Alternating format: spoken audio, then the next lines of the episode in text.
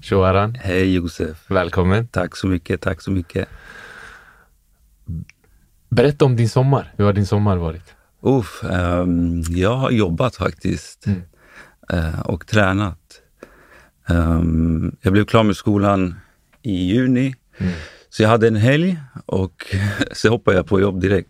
Jag hade fått jobbet innan eh, jag det, var klar med plugget. Så det var ganska skönt att ha, att ha det färdigt. Mm. Men ehm, jag fick en helg, sen körde jag på.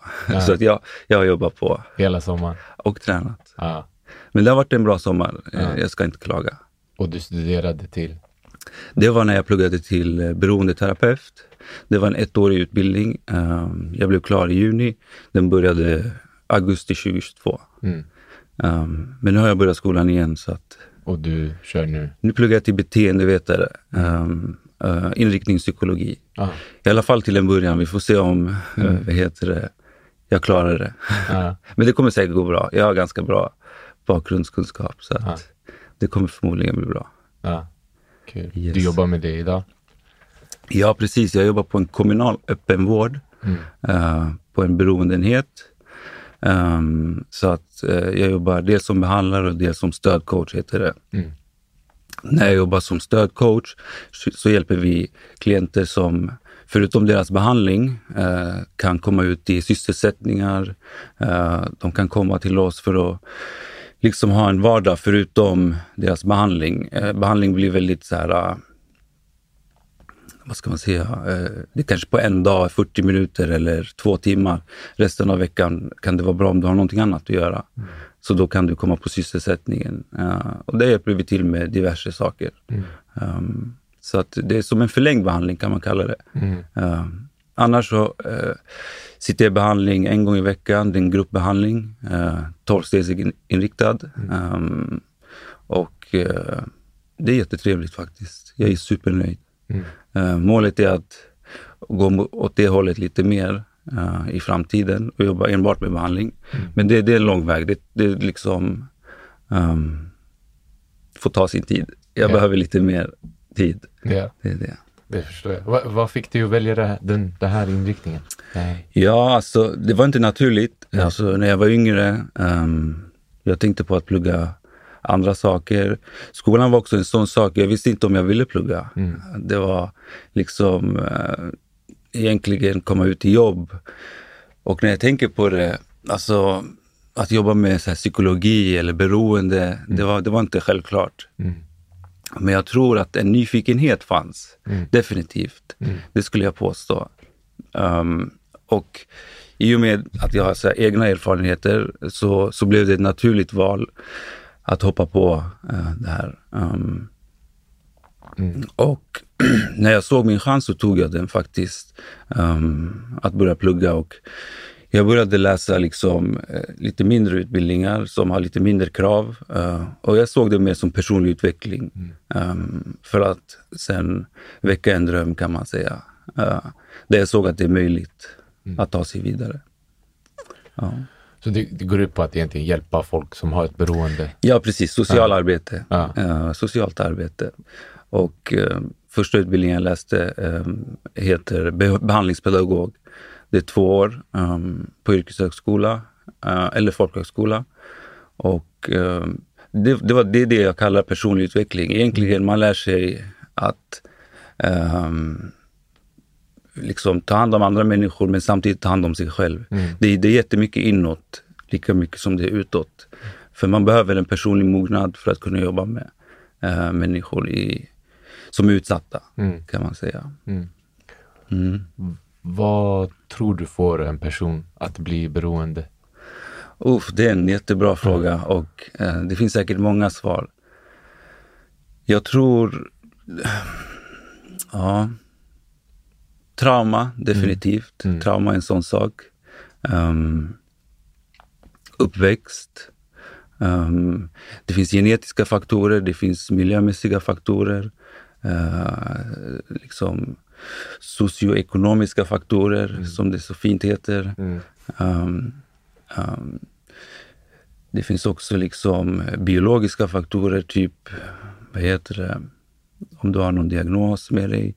Eh, människor som har ADHD, de, eh, det, jag tror varannan, eller alltså, jag tror 40, chansen för beroende ökar med 40 till 50 procent när du har en ADHD-diagnos. Mhm. Och ehm, jag tror var fjärde i beroendevården är diagnostiserad med ADHD.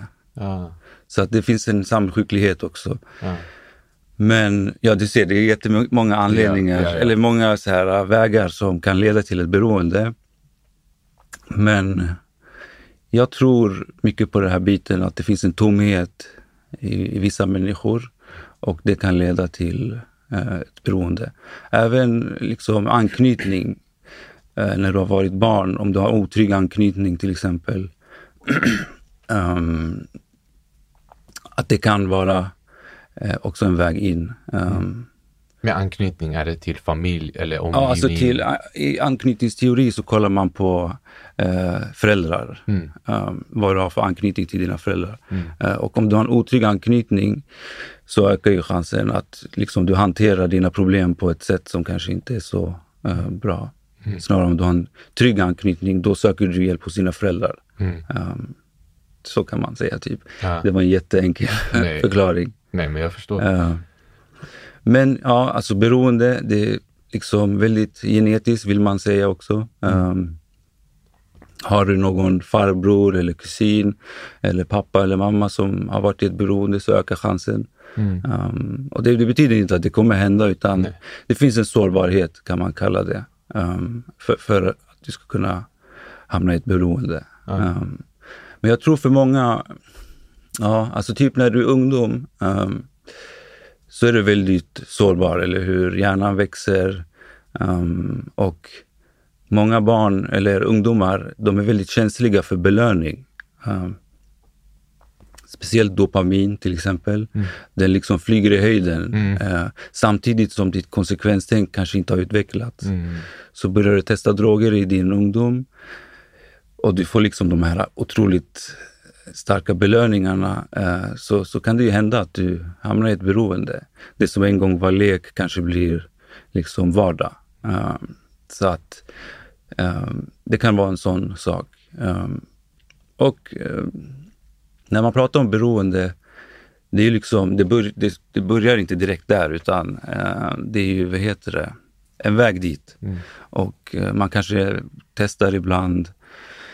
Ehm, kanske man använder fel också. Du vet, vissa de, eh, när de dricker alkohol eller tar droger, de kanske dricker slut på spritflaskan eller de tar hela kartan eller de röker hela jointen.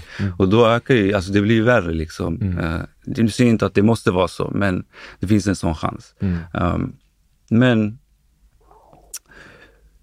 ett beroende, det är ju liksom, då, då har du tappat kontrollen Mm. kan man säga. Um, och många när de använder droger, uh, de, de hänger ju inte med i vad som händer. Uh, du vet när du, du leker med hjärnan och tar droger hela tiden, ditt dopamin, det här är en väldigt enkel förklaring, men man pratar väldigt mycket om det här i, när du utbildar dig Mm. till de här sakerna, eller till de här utbildningarna. Då eh, finns det en väldigt enkel förklaring att ju, när du tar droger, ditt dopamin går upp, ehm, men sen måste du komma ner igen och då går det under baseline, typ, Ja. kan man säga. Och ju mer du håller på, vad heter det, det här dopaminet, det kommer inte upp längre. Din liksom baseline börjar komma ner, den börjar hamna under där den en gång var.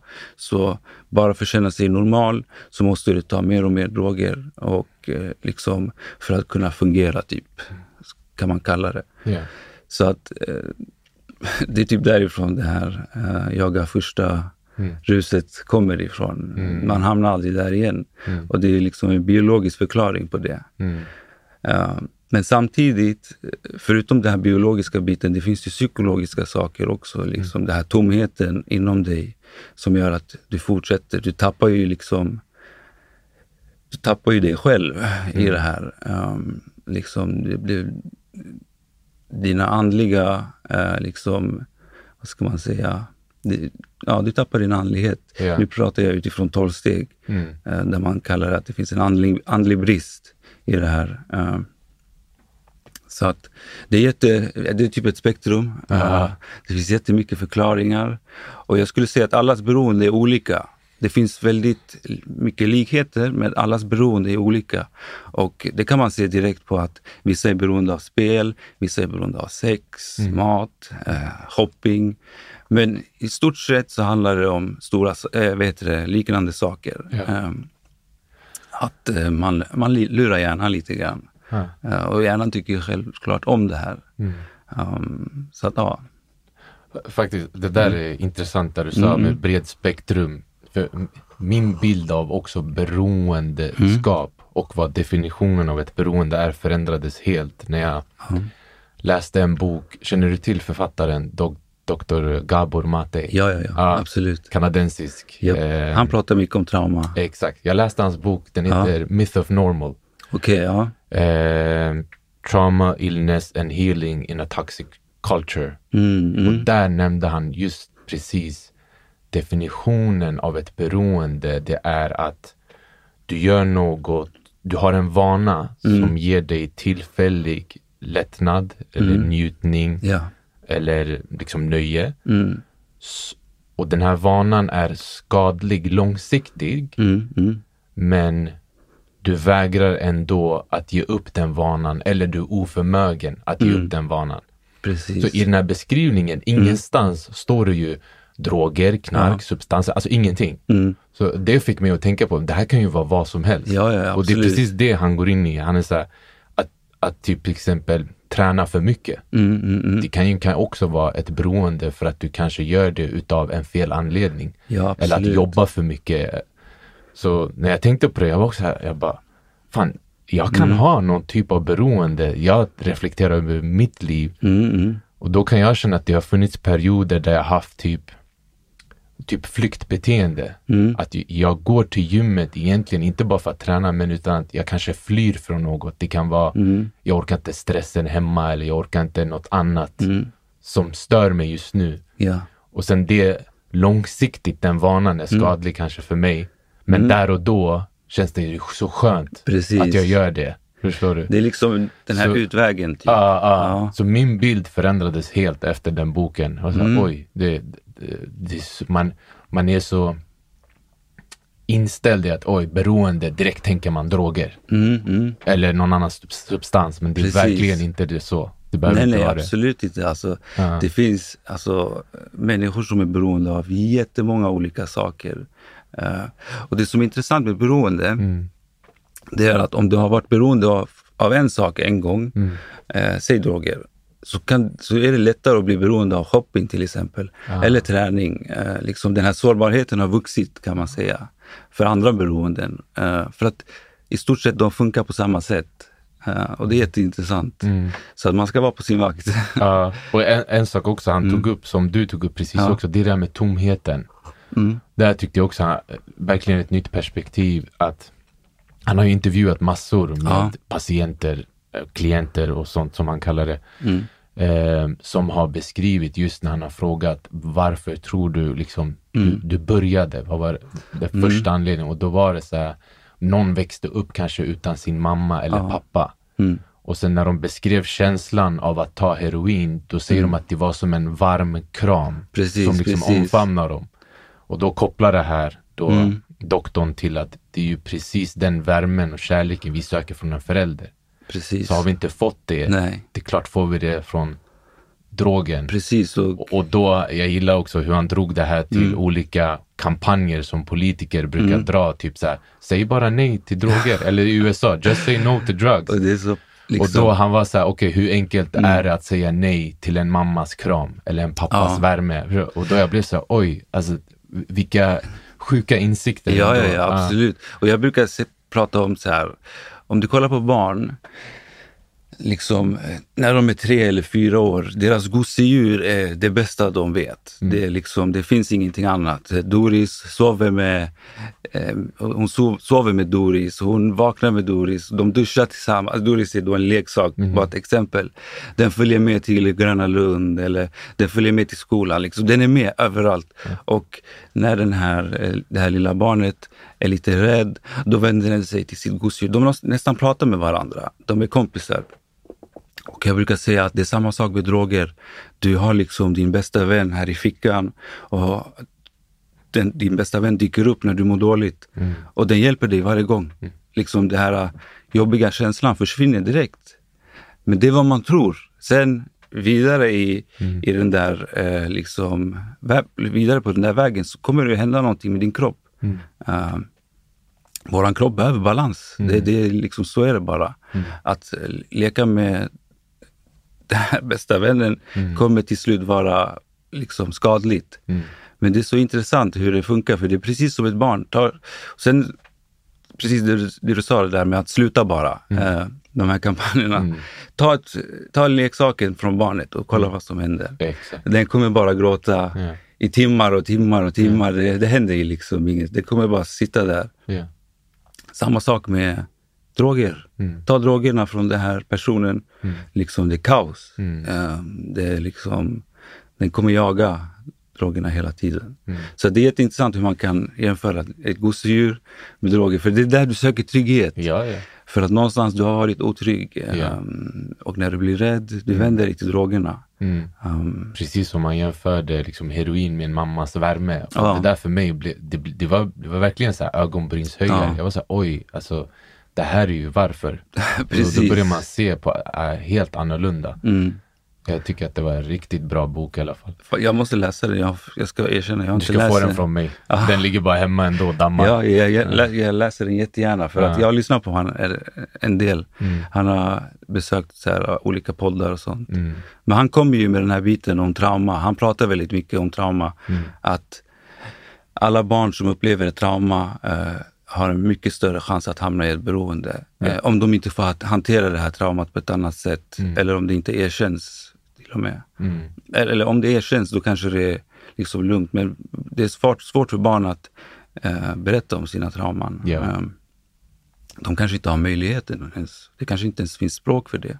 Um, en till intressant koppling han gör, det är mm. också att trauman även kan leda till fysiska sjukdomar. Ja, ja, ja, Bland annat cancer eller någon ja. annan liksom immunsjukdomar, sådana grejer. Typ de han har intervjuat har berättat om eh, något människor och, eller framförallt barn kan göra mm, mm. under sin uppväxt. Det är att de, när de känner ilska, att de ja. håller det kvar inom sig, förtrycker det för att de mm. vågar inte få utlopp för det framför sina föräldrar. Ja. Den ilskan som de håller kvar mm. inom sig kan leda till slut av någon typ av sjukdom. Ja, det... Det, var, det där var också helt så här, mm. fascinerande för mig, men det låter logiskt också. Absolut, alltså, ja. jag tror definitivt man kan tänka sig sjuk. Mm. Ja, exakt. alltså det, det går, det är fullt rimligt. Mm. Uh, och till slut din kropp blir så okej, okay, du är sjuk, mm. nu, nu kör vi liksom. Ja. Och det är jätteintressant hur vår hjärna kan lura oss på det sättet. Ja, ja. Uh, men jag måste läsa den där boken, jag blev jättesugen på att läsa den. Så att jag tar den gärna. Ja, du ska få den. Hur, hur, hur ser du på din uppfattning av dagens ungdomar? Tror du de tar högre grad av substanser jämfört med mm. kanske när vi var 15, 18 år? Jag tror definitivt det finns mer droger på gatan. Mm. Det, jag vet inte själv, jag mm. liksom, men jag tror att det finns mer droger på gatan. Mm. Och när jag var yngre, det fanns inte liksom iPhone. Vet, iPhone kom när jag var, vad kan jag ha varit, 20 år typ. Mm. Eller kanske innan, jag vet inte. Mm. Men innan dess, det fanns ingen iPhone. Och mm. Nu när du sitter på din iPhone hela tiden, liksom, du, du matas av dåliga saker typ hela tiden. Mm. Uh, och du, det är lite lättillgängligare, skulle jag tro, kan jag tänka mig. Um, du får droger väldigt enkelt, grannen har. Det var säkert så förut också, men jag tror det finns mer uh, droger på gatan. Mm. Jag kan ha fel, jag vet Nej. inte. Jag, Nej, kan jag ha tror, fel. Jag tror också Känns som att vad jag ser i alla fall, det är att jag, jag, jag ser och hör väldigt ofta unga kan vara så här, nej jag behöver min Nocco, jag behöver min Celsius. Alltså, ja. okej okay, det här är inte droger så, men det är ändå en dålig vana. Absolut. Som de känns som att inbilla sig, okej okay, får jag inte det här i mig på morgonen, ja. då funkar jag inte. Det funkar ju som positiv förstärkning. Du, liksom, när du dricker den där Noccon, det händer någonting med dig. Eh, vad heter det, du mår bra, mm. därav det här beteendet kommer fortsätta. Liksom ja. ta bort koffeinet från Noccon Ja. och du kommer inte dricka den mer. Ja. Så det händer ju någonting med dig. Ja. Positiv förstärkning. Du tillför någonting. Eh, det är inte så här något bra, utan positiv menar att du lägger till någonting. Mm. Eh, och det är samma sak med droger. Du, det händer någonting med dig, därav det här beteendet kommer fortsätta. Eh, så att det är jätteintressant för att när din hjärna har fattat det där, du måste ändra, alltså det, det går inte att ändra på det här beteendet så här. För du vet när jag dricker Nocco, jag blir lite pigg som kaffe. Mm. Kaffe är inte så här jättegott, men det är koffeinet som gör att vi fortsätter. Det är liksom en positiv förstärkning. Ja. Eh, så att, Jag läste en rolig kommentar Mm. i alla fall om det här där en person skrev typ så här våra förfäder kunde vakna vid gryningen ja. utan att liksom ta någonting och Mm. börja jobba direkt. Mm, Kanske i 12 timmar Exakt. och sen liksom vila. Men nu, du behöver vakna, alltså ungdomar säger att de behöver Mm. vakna klockan nio, ta en Ja. Nocco, ta en Celsius, kaffe vid, i lunch och så Ja. Mm. här, och de knappt att de funkar. Ja, absolut. Så så man, man associerar saker liksom. Det liksom. Du behöver det där för det här och det där kommer göra så att jag, alltså det blir jättekonstigt. ja. Men det är tyvärr 2023. Så att, Säg att eh, du får ett barn, mm, mm, en son. mm. och kommer till det, pappa är beroende. Då, hur, hur skulle du tackla det? Det är ju en liksom, förälders värsta mardröm. Mm. Förutom att den här personen går bort, eller är sjuk, Mm. säger vi cancer eller något sånt där. Men det kan vara den värsta mardrömmen för en förälder. Och för mig, med tanke på att jag har en egen erfarenhet i, i missbruk och beroende, så kommer jag ha kanske en djupare förståelse för den här personen. Eh, och jag tror många missa, föräldrar missar det där. De kanske inte förstår vad ett beroende innebär. De fattar inte att den här personens hjärna är helt kidnappad. Liksom. De val han själv, eller hon, hon eller han själv tar, är liksom inte från dem själva, utan det är den här kidnappade hjärnan. Så att om, om det hade hänt, jag tror jag hade haft en djupare förståelse och jag tror jag hade kunnat sitta på svaret. Ehm, inte att det kommer funka, men det finns generellt ett, ett eh, liksom, sätt man kan hjälpa missbrukare på. Ehm, och det är det som är en del av beroendevården.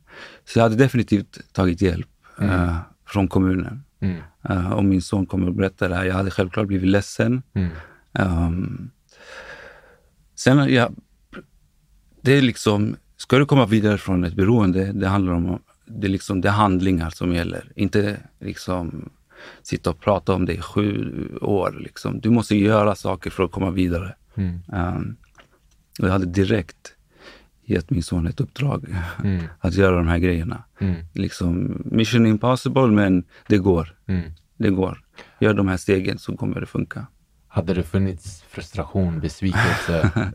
Absolut. Absolut. hade du vågat visa det? För, barn, alltså för din Vet son, du- till exempel? En person behöver konsekvenser för Mm. att vakna ur, liksom, ur, ur den här liksom, hemska, liksom, den här hemska drömmen. Typ. Man behöver liksom vara rak, ärlig och stänga vissa dörrar. Mm. För att om du inte gör det, som sagt, hjärnan är kidnappad. Mm. Den kommer utnyttja alla, alla hål och dörrar och pengar. Alltså förstår du? Allt. Mm. Inte för att det är den, själv, den här personen själv vill från liksom sitt inre, men just för att din beroende personlighet har tagit över så jävla mycket. Ursäkta språket. Mm. Ja. Så lösningen Mm. kan vara, tänker du, att dels du finns där för Ja. Mm. honom, men dels också samhällets Ja. insatser. Samhällets insatser är Ja. superviktiga här. Ehm, för att, ja, jag, kan, jag är förälder ju, men vad heter det? Alltså, det, det, här, det behöver flera, den här personen kommer behöva flera insatser förutom att han, han eller hon behöver en förälder. Liksom det handlar om behandling, eh, boende kanske, eh, liksom en planering. Hur kommer jag vidare? Det är det som är grejen med beroende. Det är en så stor, liksom, en omfattande grej. Ehm, det är jättejobbigt att bo med till exempel sin son om, om han är beroende. Eh, liksom du, som förälder, du kommer se ditt barn leva ett destruktivt liv och nästan döda sig själv. Liksom, Du ser hur den här personen bara sakta, sakta går bort, försvinner. Den som en, gång- en gång var en trevlig son. Mm. Snart kommer bli en väldigt så här, manipulativ, Mm. destruktiv eh, liksom person. Kanske avtrubbad. Avtrubbad. Mm. För att när du, når, när du är ett beroende, din hjärna är kidnappad. Din liksom reptilhjärna är, det är den som styr. Mm. Du söker snabba kickar. Du är liksom survival mode. Uh, flykt, försvar, föda. Du behöver mat. Mm. Du försvar, du, ja, du fattar. Man är liksom på överlevnadsstigen typ. Um, och i det här fallet, då är det bara droger. Mm. Um, ja, nej men. Det hade varit intressant, men må Gud förbjuda att det händer. Ja, ja, jag, jag håller med dig. Mm. Och det känns som också att, eller jag skulle säga att det snarare är så, våra kulturer, Ja. invandrarkulturer, där finns det också en extremt stor tabu. Tystnadskultur. Ja, och jag tror också en rädsla. Mm. Som, man skulle aldrig kunna våga säga det till sin förälder. Ja. Och jag tror en sak som är väldigt jobbig, det är att Mm.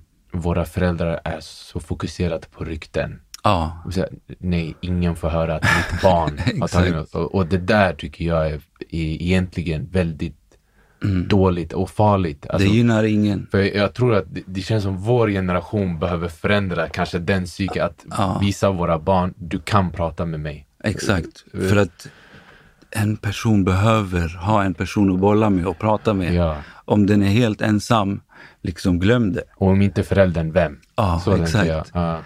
Liksom att ta det där klivet att söka hjälp hos en kommun är otroligt svårt. Liksom människor har integritet. De är såhär, va? Har jag förlorat? Ska jag gå och söka hjälp från en liksom soc-tant? Alltså, aldrig i livet. Mm. Det tar så lång tid innan folk kliver in genom den där dörren Mm. och tar hjälp. Och även där, nej, mitt missbruk ser mycket mindre ut än vad den är egentligen. Alltså förstår du? Förnekelsen fortfarande finns. Mm. Så att tyvärr hos våra föräldrar eller våran kultur, den här tystnadskulturen gynnar ingen. Mm. För att ju mer du pratar om det, desto mer kanske den här personen börjar fatta. Mm. Om du säger så här, nej men det är lugnt. Om ett halvår han kommer vara frisk igen eller hon kommer vara frisk igen. Du, du lägger det över på bara ord på det sättet. eh, då händer ingenting. Den här personen behöver vakna, komma ut Mm. från det här och då behöver man prata om det. Liksom, även vännerna måste sätt- sätta ner sin fot. Ja. Så att om de är bakom kulisserna, eller de, de vet inte, alltså vem ska säga till den här personen, hörru, du, du håller på att gå bort sakta, sakta.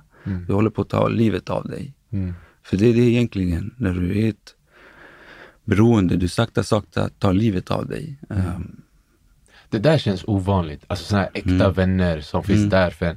Jag, jag upplever snarare att vä- vänner Mm. i så apostroftecken, att de backar. Ja. När de ser, oj, den här personen börjar ta något. Mm. Jag, jag ska undvika och... Men Ja. riktiga vänner Mm. går fram liksom till öga mot öga och säger, hallå, det du gör, Exakt. det är skadligt. Exakt, Ja. exakt. Och det är så intressant. Vissa backar och vissa säger till för att vi människor, vi vill egentligen, alltså för vår egna överlevnad, vi vill inte egentligen Om du kollar på en flock, den här flocken ska vara frisk. Mm. Alla ska må bra. Om någon mår dåligt, eh, du är inte Lämna med oss. Lämna oss. Exakt. Har du problem, ta dem där borta. Mm. Liksom. Kom hit när du är stark igen. Men så funkar det inte idag. Liksom. På den tiden, jag vet inte om det fanns droger, när man, Mm. liksom säkert, men eh, det kanske gynnade dem då, jag vet inte. men eh, idag, som du säger, sådana där vänner är väldigt svåra att få tag i. Men det finns fortfarande de som gör det där för att de själva kanske förstår hur viktigt det är. Det är ju det också. Förstår man inte hur viktigt det är att någon sätter ner foten, kanske det aldrig blir, av. Så att jag tror mer kunskap kanske hade hjälpt liksom, vännerna att sätta ner foten. För att, ja, nej, men det, är ju, det, det, alltså det är sällsynt som du säger. Ja, att ha sådana vänner, absolut. Och har man sådana vänner, man ska värna om dem. Och det, och, Sen kanske vissa vänner inte vågar, du vet, det är liksom svårt. Det är Ja. mycket skam i att jag ska säga till dig, "Ey, hörru, jag vet vad du gör, Ja. sluta upp med det där. ja, Du, du kanske inte ens lyssnar på mig, Mm. hänger med? Så det, det är jättesvårt. det är sant. Det är lite, lite jobbigt, svårt. Ehm, samtidigt man kanske inte vill förlora sin vän. Mm. Det är jättesvårt. Uh, Ja, och en sak, det här med förälder också. Något, Mm. något jag läste om som träffade mig i alla fall. Det var, det, det stod eh, en vis förälder Mm. försöker se sitt barns hjärta ja, och inte visa sitt barn sin egna hjärna. oj. Det där var väldigt... Och det där träffade mig så hårt, för om du tänker efter, Mm. alltså speciellt föräldrar generellt, Ja. men också invandrarkulturer, föräldrar. Mm, mm, mm. Mamman och pappan ska alltid ha svaret. Det, det är ändå alltid, det kommer egentligen ändå från ett stort ego. Absolut, alltså sin absolut. hjärna. Mm. Det vill säga, så fort man säger något, nej, de har svaret, de Ja. vet vad som är rätt, vad som är fel, vad du ska göra, vad du ska inte göra. Mm, mm. Det är väldigt sällan jag har upplevt en förälder som verkligen försöker se sitt barns hjärta. Ja, Och hur, tolkar jag det där? Det är verkligen fråga, hur mår du? Precis. Eller varför gör du det här? Vad har Precis. hänt i ditt liv? precis. Ta de här nästa stegen i samtalet. Ah, Uh, komma ner till en nivå där man kanske förstår varandra. ah. Ställa också öppna frågor. Ja, Det- väldigt det- viktigt, väldigt viktigt. Men våra föräldrar är också begränsade av sin Ja. erfarenhet, sin uppväxt. Alltså. Ja, och de tänker väl så här, liksom utåt sett, det ska vara perfekt och vi försöker sträva, eh, sträva åt det hållet. Liksom. Det ska, har du problem, alltså, det är det som är grejen, man kanske inte ens tar upp de här problemen liksom, förrän det är illa. Du vet, att ha, ha det där samtalet med sina barn, liksom att eh, liksom hjälpa dem att förstå och sen kanske föräldrarna inte har den där, sitter, besitter den kunskapen, då blir det också ännu svårare. Eh, De kanske är vana vid, som vi snackade om, att så här, hörru, sluta bara. Liksom. Ja. Sen finns det de föräldrarna som kanske vänder ryggen till och med. Så att det, det är jättesvårt. Jag tycker, mm, med tanke på att eh, beroende är så stort, så tycker jag kanske att eh, allmänkunskapen borde eh, liksom stiga lite kring de här frågorna. Man borde liksom hjälpa föräldrar att förstå mer. Eh, Alltså för att när en person är i ett beroende, det är inte bara den som är drabbad. Det är liksom, dina anhöriga är också drabbade. Så att ehm, ta en familj på fem, de är drabbade. Ta en familj på sex, de är drabbade. En, alltså det är det. En persons beroende rör de andra familjemedlemmarna. Så är det bara. Mm. Och ja, jag tror kanske mer allmänbildning hade hjälpt till. Ja. Det finns allmänbildning, men många vill, vill inte röra det samtalsämnet. Nej. Liksom, eh, Gabor tog upp det här också i sin Ja. bok, här med allmänbildningen. Eh, Framförallt bland sina yrkes, alltså kollegor Ja. inom hälsovården, bland läkarna. ja, Han, han tar ju upp det, han säger hur ofta när du Mm. går och besöker en läkare, frågar läkaren vad händer i ditt liv just nu? Hur mår du? mm, Alltså finns det något som kanske stressar dig? Mm, Alltså, det, det är ju mycket mer vanligt att man bara kanske skriver en medicin och bara tar det här så exakt. är det klart. Precis. Och, och han säger ju också, han tar upp, jag tycker det, jag gillar det där talesättet att alltså, anledningen till att du får huvudvärk, det är Mm. inte på grund av avsaknad av paracetamol. Nej, exakt. Exakt. det finns ju en anledning till varför du får huvudvärken från första början. Exakt. Till exempel, enkelt så här, scenario. Ja, men det är en jättebra förklaring. Ja. Det är det. Och liksom, mediciner kanske inte kommer tackla det där problemet. Det Mm. kanske kommer ta bort symptomen. Men när du slutar ta medicinen, den kanske kommer tillbaks. Ja. Om vi pratar då som att en huvudvärk är till exempel psyk, psykisk ohälsa. Mm. Om man tar liksom på samma sätt. Mm. Så att egentligen droger och alkohol, det är inte problemet. Det är bara ett verktyg kan man säga, Mm. på ett större problem. Um, det är bara att den här personen har fattat att alkohol och droger tar bort det här problemet för stunden. Um, så att många tänker ju också så här, ja, men bara jag slutar med att röka eller eh, dricka eller ta tabletter så kommer allting bli bra igen. Ja, absolut, det kanske blir bra. Men du behöver ta hand om det andra större problemet, det här själsliga problemet, liksom det psykiska problemet. För att en beroendes liv, det, det kommer vara kaos. Mm. Liksom. Det är ganska mycket kaos. Och mm. på vägen så kommer du ha sårat folk, det kommer ha hänt grejer, du mm. kanske har liksom förlorat jobb. Det är så många områden mm. som liksom du måste tackla. Så att när du liksom tar ur dig där, det, liksom, du måste skriva upp en lista. Mm. liksom, börja göra jobbet. Det är mm. därför det, det, det liksom är handlingar som räknas. Um, och det är väldigt tufft. Det är väldigt tufft. Alltså det, ja, alltså när man jobbar i beroendevården, man jobbar ganska mycket emot statistik. Mm. Um, vi är liksom vana vid att det inte är så lätt. Så här, vi, vi har förståelse för det um, och mm. det är därför vi inte kommer ge upp. Mm. Um, så att, ja, nej, det är tufft. Du, du träffar patienter, eller? Ja. Alltså, ja. Ser du något mönster? Alltså i typ vilka som tar kanske, eller vilka som har ett beroende. Mm. Bara väldigt generellt, självklart ingen faktiskt, detaljerad historia. Faktiskt beroende träffar alla. Mm. Uh, spelar ingen roll hur rik man är, hur fattig man är, uh, vilken, vilket land du kommer ifrån. Den är liksom, den träffar alla. Mm. Uh, vad säger man, heterogen eller homogen? Ja, ah, heterogen. Ah, ah. Ja, något sånt. Så att det, det, Självklart kan man förstå att vissa människor gillar alkohol och vissa människor kanske gillar tabletter, vissa gillar att röka på till mm. exempel. Mm. Sånt kan man se, absolut. Mm. Uh, yngre människor, de kanske inte, alkohol är kanske inte deras mm. uh, huvuddrog. Äldre människor, liksom 50 uppåt, alkohol är deras uh, kanske huvuddrog. Mm. Uh, så att, det, ja, precis. Det är liksom det träffar alla. Ja. Det träffar verkligen alla. Ja. Jag tycker en naturlig brygga till mm. nästa fråga som är väldigt aktuellt idag. Sveriges våldsspiral, mm. alla mord, alla skjutningar. Vad va, va tror du mm. har hänt att vi har hamnat här idag? Jag tror det är liksom så här, det började här och sen det blir liksom eh, som ringar på vattnet. Liksom. Det bara blir större och större och större. Mm. Man öppnar mer och mer dörrar. Mm. Uh, jag tror det är det som är, det är, alltså, det är som en naturlig utveckling. Liksom. Det blir värre och värre. Mm. Fast det här är jätteonaturligt. Uh, det är som en snö, vad heter det, du vet, när du tar en snöboll och du yeah. låter den rulla, den blir yeah. större och större. Yeah. Och ju mer människor som liksom blir, eh, som ser det här, desto mer liksom, eller jag vet inte, det, alltså det är jättekonstigt, men jag tror bara det har eskalerat på en sån nivå att eh, det blir värre och värre. Och det, kommer, det, det är alltid så, det blir värre och värre innan det blir bra igen. Mm. Vad säger de? Det är alltid mörkast innan det blir ljust. Mm.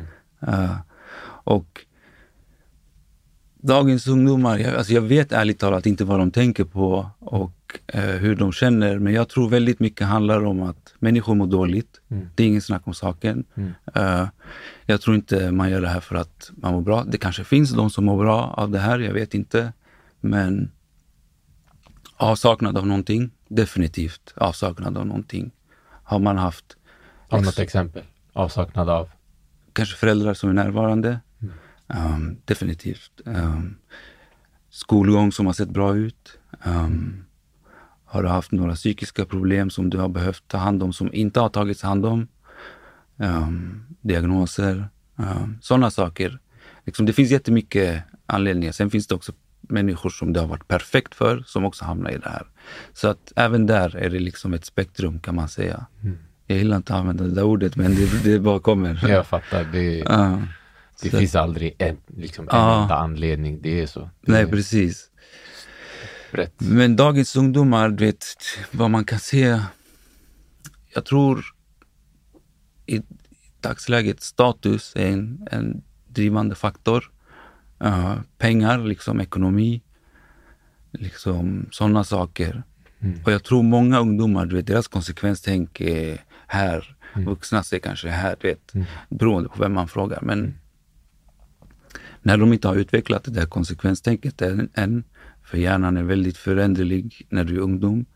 Uh, och snabba belöningar ger så stor effekt. Mm. Då, det, det är nästan enkelt att läsa ihop den där matematiken, men det är fortfarande så svårt att förstå varför de tar det där steget. Liksom, varför inte välja skolan istället? Varför inte liksom välja fotbollen istället? Och det, det, alltså jag vet faktiskt inte. Det, det är en jättesvår fråga och det är jättetråkigt att det här händer. Mm. Det är jättetråkigt. Um, Jag tror det ligger mycket i det här, snabba belöningar. ja, Vilket också är en följd av sociala medier, mm, av de här smartphones där man får konstant snabba belöningar. ja, Och, och dagens unga, jag tror de är så pass smarta att de förstår att att gå en bra skolgång, Ja. jobba sen i 20-30 år Mm, bara för mm. att få det de vill ha idag fast de kommer få det om 30 år. Nej, Mm. de har inte tålamod, de orkar inte vänta. Att tänka långsiktigt Ja. är ganska svårt för dem. Ja. Och på grund av också att de vill ha de här snabba belöningarna. Ja. Okej, kan jag få 15-20 tusen för ett uppdrag? Varför inte? Ja, och det är helt sjukt. Ja, det, det, egentligen. Det är, ett helt problem. sjukt, men i deras hjärna är det bästa valet. Det- Och, och, och hur ska man göra där? Man måste ju konkurrera det här beteendet. Mm. Man måste ju konkurrera de här besluten och det är jättesvårt att komma in med fotboll då. Ja, Kom vi kör en match ikväll. ja, Ja, ja. får jag pengar? Nej. Alltså det, det är så svårt att konkurrera Ja. det här beslutet Ja. och därför det är en så stor uppgift för samhället. Även alltså vanliga medborgare liksom, som bor i de här områdena. Det, det liksom träffar allihopa. Men mest ansvaret ligger kanske på eh, föräldrar och skola. Mm. Um, skolan, du vet, de gör sin grej men man måste kanske vara snabbare på att uppmärksamma saker. F- För att om den här, det här barnet liksom har det tufft hemma så ska de kunna få hjälp. Liksom det, är, det är en så stor apparat Mm. om man ska jobba förebyggande. Mm. Och eh, liksom samhällets ansvar att också säga ifrån. Mm. Och jag tror många gör det nu, man, Ja. man säger ifrån. eh, verkligen. Det här är kanske lite mer långsiktiga åtgärder. Mm. Eller ja, samhället kan också vara kortsiktiga åtgärder om man Ja. inför restriktioner och alla de Ja. här mm, visitationszoner. Mm, mm, mm. Eh, och det- jag tänkte på det, så här, Mm. vilka kortsiktiga åtgärder kan man göra och långsiktiga? Kom du fram till något svar? Bra svar? Nej, alltså kortsiktigt, jag Mm. tror ändå att man behöver vara hård. Ja, Eh, absolut. Fastän man ändå har märkt, det är inte alltid svaret. Ja. Även i de länder där det finns dödsstraff Ja. och sånt. Det spelar ingen roll. Våld precis. begås fortfarande. Precis. Men ändå att jag tror eh, hemma, Mm, mm, mm. att eh, föräldrar blir hårdare på det sättet att de har bättre bevakning, koll på allt Ja, barnen gör. Eh, också att polisen kan få lite mer eh, auktoritet eller Mm. större liksom, behörighet och allt, Precis. befo- allt de kan göra. Och så långsiktigt, det var lite det du var inne på Mm. tror jag, samhället, Mm. skola, hemma. Alltså, när jag var ung, så vet jag i alla fall där jag bodde fanns det minst två, tre eh, fritidsgårdar eh, som man kunde gå till. Där fanns det pingis, spel, det fanns Ja. fritidsledare som åtminstone kunde fråga hur går Mm. det i skolan. Pingis är det första man tänker på Ah. när man hör fritidsgård. Ah. Och det är en sån grej som är så här jättebra. Kom vi spelar pingis. Ja. För att kolla på ungarna som gör det, de älskar det. Det är skitkul, eller fotboll. Och det är så tragiskt att se att det inte finns Mm. riktigt på den nivån som kanske när jag och du var unga. Och ja, jag vet inte varför Nej, liksom, nej. det är dags att liksom ändra på saker och ting. Ja. Sam, samma sak där. Mm. Jag brukar alltid tänka om man får ett barn, vad skulle Mm. man göra? Va, vad tror du? Din son, du, du får höra, du vet, han är kriminell. Uff. Han är 15 år, kriminell. Vad gör du? Eller, eller du ser att han är på väg kanske. Alltså innan. Mm. Så hur förhindrar man? Exakt. Där, hur man förhindrar, när det gäller föräldrar som, som kanske har ett barn som är på väg in i lite dåliga, man kan hjälpa dem att se varnings, alltså liksom se varningar innan. Alltså utbilda dem i, så här, om det här händer, då kanske din son är på väg in i den här banan. Utbilda dem i sådana där grejer. Och förhoppningsvis jag kan se de sakerna innan och jobba innan problemet är framme. Men om jag får liksom det beskedet, alltså jag tror första, först och främst man hade reagerat väldigt så här, man har på liksom direkt impuls vet, ej vad, vad håller du på med? Typ. Mm. Sen man hade behövt tänka ut, okej hur ska jag göra? Det här problemet kommer inte försvinna idag. Jag behöver tänka långsiktigt. Jag hade gjort en liksom, undersökning, kartläggning på hur stort det här problemet är. Liksom skrivit ner alla saker som som händer? Eh, är min son skyldig någon pengar? Eh, typ, vad händer? Förstår, kartlagt allting och sen sett, eh, försökt sätta in en insats där. Eh, för man behöver samla in data om sådana här problem. Man behöver kolla hur omfattande är det. Mm. Tänk om min son är gängledare. Mm. Liksom, ja. Jag kan inte bara ta bort honom från gatan. Ja. Uh, så en kartläggning sen jag hade börjat liksom, uh, skapa en bra insats där. Mm. Och insatsen kan vara direkt prata med honom? Ja, absolut. Det är ett handlingsprogram. Mm. Uh, antingen om han behöver gå liksom en behandling på kommunen eh, eller om jag kan betala en själv mm. till honom eh, som hjälper honom att förstå lite, kanske KBT, mm. något krimprogram, något sånt. För mm. det finns evidens på det, mm. att det funkar. Men jag tror mest eh, att jag ska finnas där för att min son kanske tänker att nu kommer pappa vända sig i ryggen. Nu har han fått reda på den värsta grejen. Mm. Han kommer inte finnas där för mig längre. Då jag vänder mig igen tillbaks till gatan. Det är där jag får yeah. bekräftelse.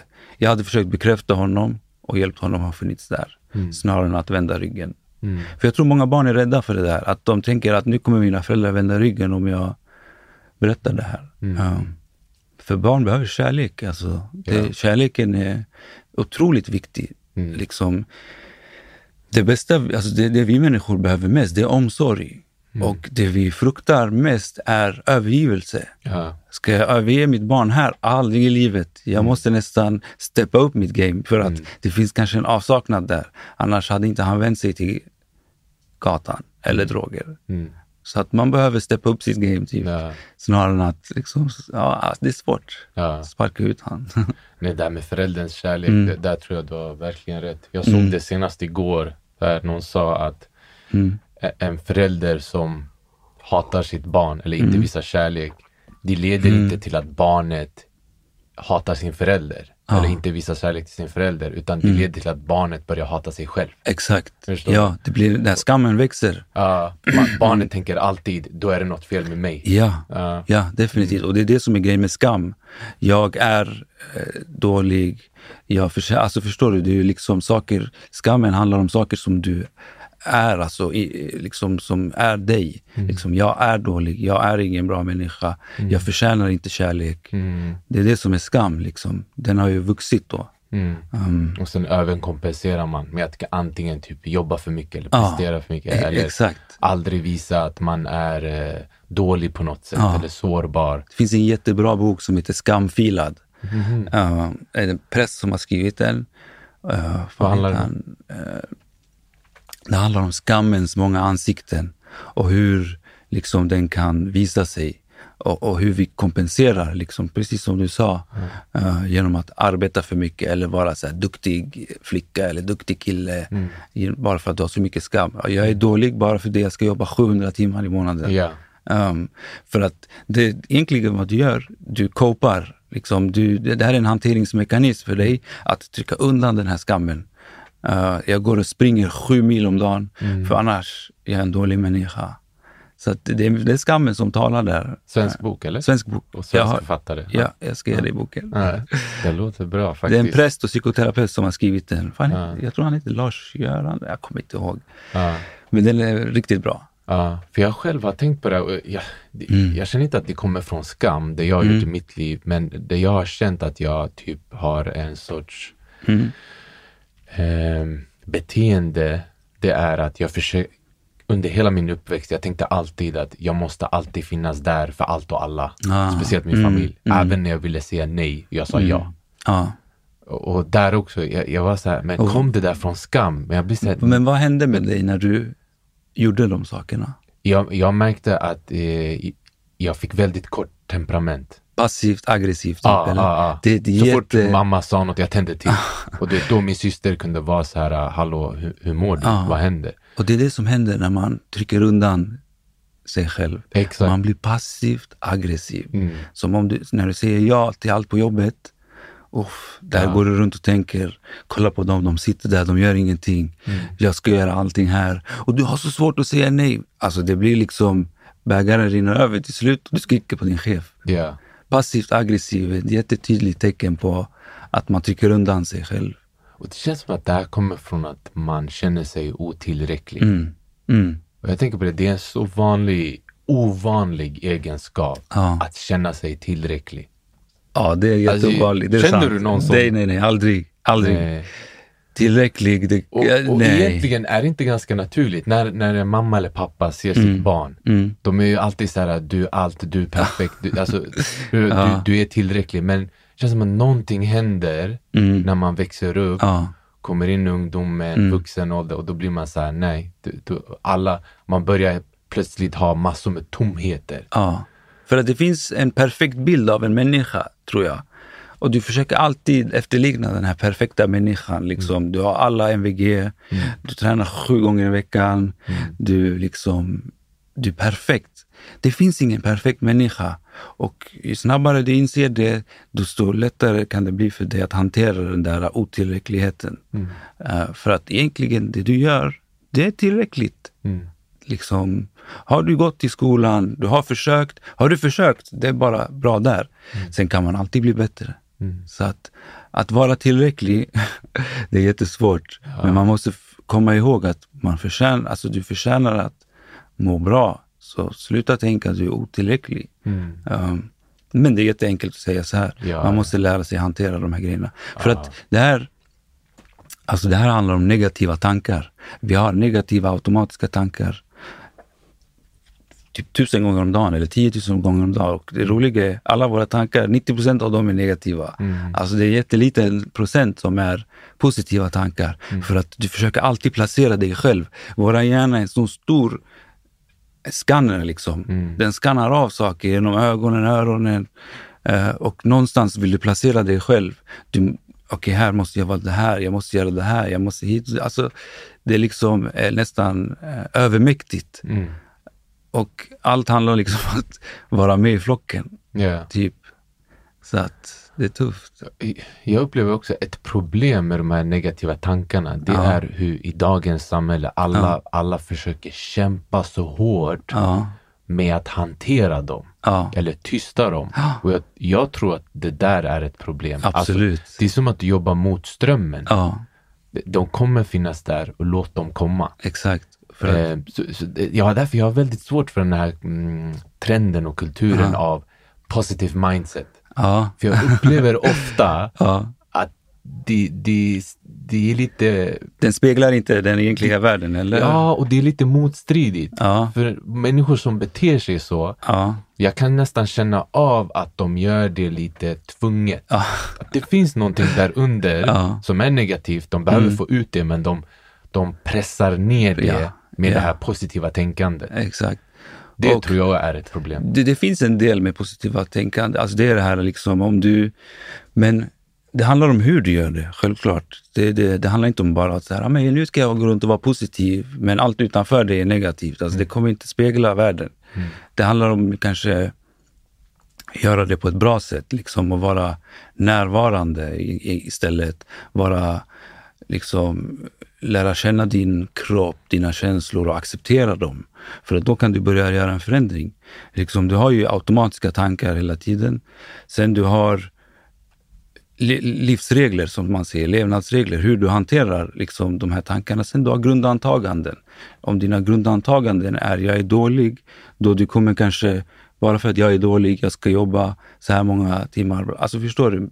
Det finns olika delar i det här eh, som går ihop. Och det är väldigt svårt att liksom, bara säga jag ska, positiv mindset. Liksom, jag vet inte, det, det kanske funkar till en viss del, men i praktiken du behöver göra mycket mer saker än så. Ja. Du måste börja lära känna dig själv på ett annat sätt. Liksom. Ja. Vad har jag för behov? Eh, vad behöver jag, jag göra? Har jag bäddat min säng? Sådana här saker. Du vet. Tro mig, att bädda sin säng, det är, jag vet inte hur många gånger många, många som ser det här.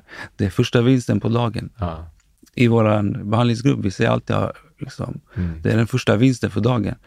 För att ditt hem kommer spegla hur du mår. Det är ingen snack om saken. Är ditt hem stökigt? Nu snackar inte jag om att allas hem ska vara rent. Nej. Absolut inte. Ja. Men om du kommer hem till ett stökigt hem, det kommer spegla hur du mår. Det kommer du hem och det ligger allting överallt, förutom om du flyttar. Ja. Men förstår du, om du kastar, alltså det speglar lite grann hur du mår. Sen vissa är slarviga, det är inget snack om saken. Men Ett tydligt tecken på att du mår dåligt är att du börjar bli slarvig. Liksom, Mm. eh, ta inte hand om din hygien, sådana grejer. Mm. Då behöver man göra lite saker. Ja. Men nu drog jag bort från det vi pratade om. Men positiv mindset, det kanske inte speglar världen. Ja. För du kommer alltid eh, liksom vara eh, föremål för negativa saker. Så det kanske handlar om hur du hanterar Mm. det snarare än att säga nej, nu är jag positiv. Mm.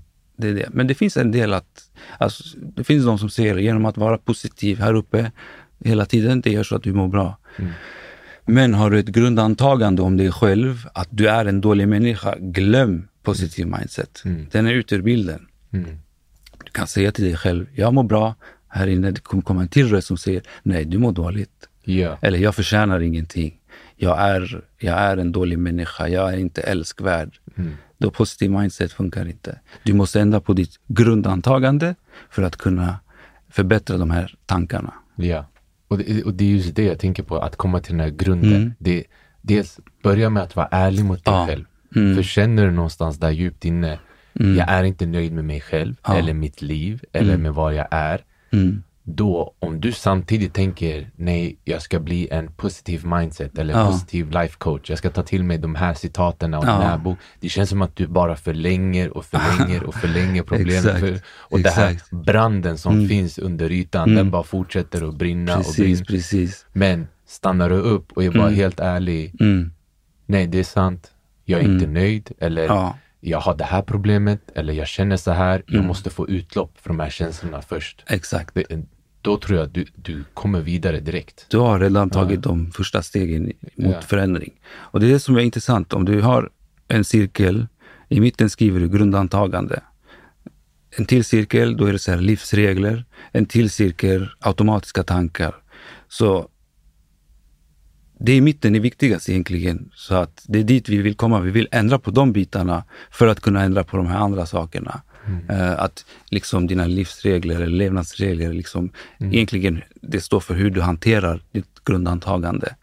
Um, så att, och då ändras de här automatiska tankarna också. Förstår du unga, ungefär hur jag Ja, menar? jag tror det. Mm. Det påminner lite om hur jag gillar att tänka. Ja. Och det är att jag försöker alltid tänka, hur mår mitt hjärta? Ja. Vad säger mitt hjärta? Mm, mm. Inte hjärna. Exakt. Hjärnan känns så smittad av Ja, omgivningen. samhället, Mm. omgivningen, det du ser i sociala medier, det du lär dig om, det du läser om. Men där djupt inne, Ja, vilket kanske fortfarande är hjärnan, alltså jag vet inte det där biologiska hur det funkar, men jag Mm. gillar att säga hjärtat för det får en att titta ännu mer inåt. ja, exakt. Och det är där jag känner finns ofta svaren. Ja. Nej, det, ja, jag, det har jag, hänt skulle mig. säga det. Ja. Ja, det har hänt mig många gånger där jag varit såhär, Mm. Yusuf, är ditt hjärta nöjd med var du är i ditt liv? Ja. Bara att jag säger den frågan rakt ut eller tänker på det, Ja. direkt jag kan vara såhär nej, Nej. om jag ska vara ärlig. Det. Och oftast de situationerna Mm. har lett till beslut som jag varit extremt nöjd över. Det kan ha varit att jag har bytt jobb eller, Mm. eller förändrat något i mitt liv som jag egentligen velat förändra länge. Exakt. Så att egentligen, vi Ja. sitter på svaren själva, Alltid. men vi väljer att inte titta på dem. Och det finns ett jättetydligt tecken, eh, eller förlåt, ett ett jättetydligt så här, exempel. Du tittar på spegeln, Mm. Eh, du tror att allting är bra, men spegelbilden visar liksom ditt verkliga jag. Det är inte bra egentligen.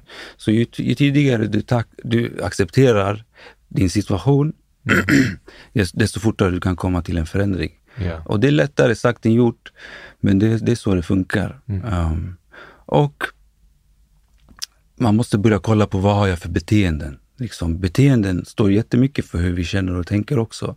Liksom, när du får en tanke, vad händer med dig? Alltså, vad, vilken känsla väcks? Säg, att, säg att du tänker på alkohol. Um, då, i, I din mage, då känner du lite glädje kanske. Det blir lite pirrigt. Uh, nyfikenhet. Och då blir handlingen att du går och köper alkohol. Liksom, om man förstår de här tankefällorna och tankebanorna, då kanske man kan ändra på de där beteendena också. Um, genom att hitta, hitta andra beteenden som är bättre. Liksom när du tänker på alkohol, så kanske du, vi kan göra så att du känner så här, nej, eh, du blir lite orolig för att du vet att när du dricker alkohol, det blir inget bra. Så att, ja, med lite jobb man kan ändra på sina ta- tankar. Eh, för det är det man vill. Eh, för de kommer komma oavsett om man vill eller inte. Och de är inte heller riktiga. Eh, liksom, som jag sa innan, att vår hjärna skannar av omgivningen. Den vill placera oss på rätt plats, du vet, di- direkt. Så här, vart är jag i det här rummet? Vem är jag i det här rummet? Så, att, så typ. Mm. Ja. Mm. Jätteintressant hur det funkar och det, det känns som att man bara kan lära sig mer och mer om sig själv Ja, ja, ja. och hur man funkar. ja. Mm. Ja, utan tvekan. Eh, jag tänker om vi går till di- Ja. din eh, början, din eh, uppväxt, Ja. bakgrund. Var Jag- föddes du och uppväxte? Ja, jag är född här i Sverige, eh, Karolinska sjukhuset. Ja. Vad heter? Jag är född och uppvuxen i Akalla, en förort eh, i västerort eller norr, norra delen av Stockholm. Jag bor fortfarande kvar där. Jag eh, bor typ 200 meter bredvid mina föräldrar. Ja, så att jag har inte klippt navelsträngen. Nej. Så att eh, där har jag vuxit upp eh, i 30 år. Ehm, och jag älskar Akalla. Det är liksom, det är, det är hemma. Ehm, Mi- Minns du hur Akalla var när du var liten? Jag det såg, det såg hur lite idag. annorlunda ut, absolut. Eh, Vad heter det? Beskriv. Parken som, där jag bor och där mina föräldrar bor såg annorlunda ut. Mina, mina tidiga minnen därifrån, det är att det var ganska tråkigt där. Det fanns inte så mycket leksak, eller så här, eh, saker att göra. Det var, det var ganska dött. Du vet när man tänker på så här, en kall bild. Det, speciellt att det var vinter typ. För att vi har lite familjebilder från vad heter det, den tiden och då man ser, fan parken, det såg inte bra ut alltså. Grått och mörkt. Ja, grått och mörkt, exakt. Du vet. Ehm, men den parken blev den, den fick ett upplyft när vi var typ nio år eller något sånt där. Då blev det jättefint. Men stora skillnaden, ehm, alla har vuxit upp eh, som man var vän med. Vi är vuxna, men vi känner oss fortfarande unga. Det är ganska kul för att barndomen är fortfarande nära. Liksom. Men också att det är andra människor där nu också. När jag var yngre, det bodde mer svenskar där. Liksom våra grannar åt båda hållen, om jag minns rätt, de var svenskar, men de flyttade. Det är något jag ofta har hört från Mm. alla förorter. Ja, men de flyttade. De, de såg kanske sin chans och flyttade. Jag vet inte om man kan säga så, men det var mer svenskar, eh, även fast det fanns invandrare där. Um, men Akalla var en jättetrevlig plats. Det är fortfarande en jättetrevlig plats. Men jag tror Stockholms förorter förändras. Det händer ju någonting. Liksom. Eh, vi blir mer och mer människor och nya saker händer. Och eh, jag tror det händer jättemycket bra saker samtidigt som det hä- händer självklart dåliga saker. Men den stora skillnaden är människorna som bor där, skulle jag säga. Ja, det är den stora skillnaden. Och Vilken skola gick du i? Hur var din skola, grundskola? Grundskolan den hette Oxhagsskolan, den här när man går ettan till sexan. eh, och sen, vad blir det, högstadiet, då heter det Akalla-skolan. Um, jättefina skolor. Jag är liksom supernöjd. Det var jättekul att gå där. Jag har flera vänner kvar som gick där. liksom. Um, så att, jättetrevligt. Det kändes som att skolorna ändå på den tiden var så här att, som en andra familj. Ja. Nu vet inte jag om det är så idag, men skolan var som en andra familj. Liksom, ungdomsledarna, de kunde säga till en, eh, de hade bra kontakt med eleverna i skolan. Du vet hur en så här fritidsledare kan bli som en andra farsa typ. Det, det var väldigt enkelt att det kunde bli så. De var insatta i hur det såg ut hemma. Idag, jag vet inte om många vågar ta i de samtalsämnena eller om det är så att föräldrar säger till sina barn, ni pratar inte om någonting i skolan. Men det kändes som att lärarna kände till eleverna mer på den tiden. De var lite mer, ja, jag vet inte. Det, Jag har fått höra nu för tiden att det är mycket brist på resurser, att lärarna inte hinner, knappt, alltså, knappt att de har tid över för något. Jag kan tänka mig att det är så. Um, för att problemen ser, ser annorlunda ut idag. Alla har iPhone, alla liksom vet mer saker. Förut vi trodde ju på våra lärare om de sa någonting. Jag, jag kunde inte vara källkritisk.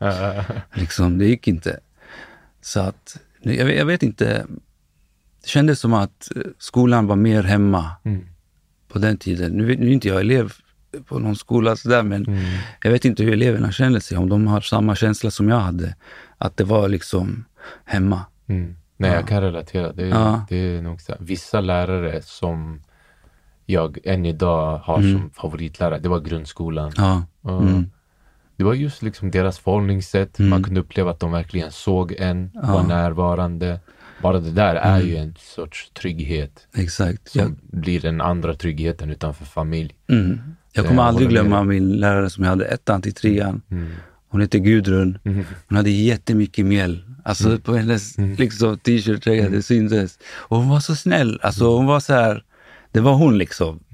Hon hade svaren. Mm. Ja. Typ. Det var jättetrevligt. Ja. Jag vet själv flera gånger jag har råkat säga så här, mamma till en lärare och så blir man ju utskrattad av hela klassen. Ja, ja, ja. Du, du ser ju, den där känslan Ja. fanns. Nu vet inte jag om det är så idag. Du vet, jag, jag hoppas verkligen det. För att de här eleverna behöver sitt andra hem. Du vet. Alltså jag hoppas att det är så. Verkligen. Att eh, vad heter det, lärare och elever kan samarbeta på det sättet. Ja, för att jag tror det kan vara till stor hjälp. Jag tror det. Ja. Jag minns också att vi såg upp till eh, elevassistenterna. Ja. De här som gick runt om och hängde Precis. i kaféet och sådär. De minns jag att jag såg upp till. Ja, jag kommer ihåg alla, ung, i, när jag gick i högstadiet, det, då hade vi en ungdomsgård och alla vad heter det, liksom pedagoger eller ungdomsledare där, alltså man blev så bra vän med dem. Liksom, de lärde känna ens liv på så pass bra sätt att det, det, liksom, det kändes så bra. De lärde känna en, men jag vet inte hur det är idag. Jag hoppas att det är på samma sätt för att ungdomsgården blev som ett andra hem. Mm. Det var liksom, det var dit man gick. Ja, ja. På fredag, på fredag vet, så här, vid femtiden man kunde gå dit. Det fanns en liten fotboll, så här, sju meters fotbollshall typ. Man spelade lite fotboll där, Ja. spelade lite kort, biljard, sådana saker. Mm. Det, det idag, jag vet inte om det är så. Nej. Jag hoppas det är så. Jag minns också eh, mina elevassistenter, de hade också en grej att en gång i veckan efter skoltid hade de Ja. här, film som man kunde titta Ah, på i skolan. ah, mm. De brukade hyra filmer, Ja. då var det DVD och så. Ja, Så kunde man gå dit, hänga där och kolla på någon film. Och det minns jag var väldigt uppskattat. Ja, jag Eh, kan tänka mig, alltså. dit bara för att hänga, kolla film. precis. Tänk dig få se en film på det sättet. Liksom. Man kanske inte hade DVD hemma eller VHS och sådana saker. Ja. Liksom. Det måste varit en kul upplevelse att göra det med sina vänner. Mm.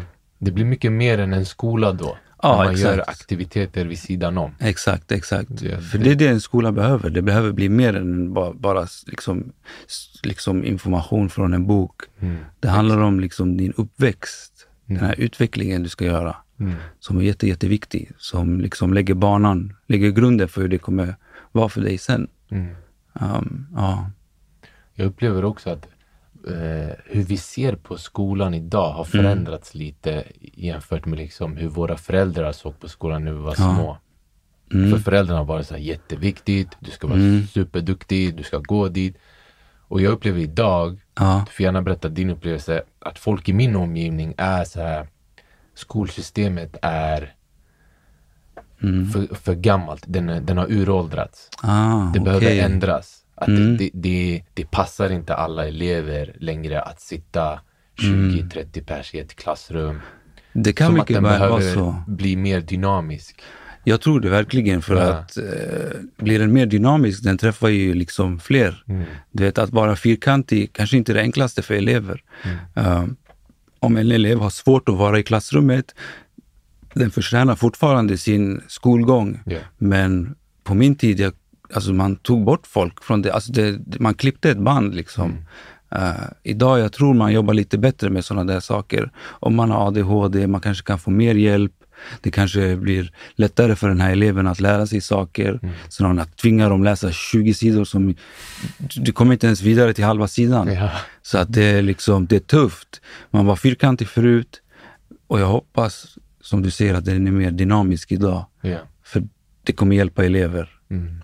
För har du ADHD, det är svårt för dig. Sitta stilla. Du måste, alltså det är tufft. Det är tufft. Och mediciner kanske inte alltid är svaret. Nej. Så att ge det här barnet en chans är jätte, jätteviktigt. Det är jätteviktigt. Mm. Nej, jag håller med. Gymnasiet? Vart Gymnasiet? gick du? Hur var det? Vad läste I du? Eller Sumpan, jag läste samekonomi. Det var jag vet inte varför. Ekonomi var inte min del, alltså min, min grej. Um, men gymnasiet var också så här, uh, jag valde bara någonting för att skolan var tung typ. Um, det var en skola, vi fick så mat gratis ute. Vi hade ingen matsal.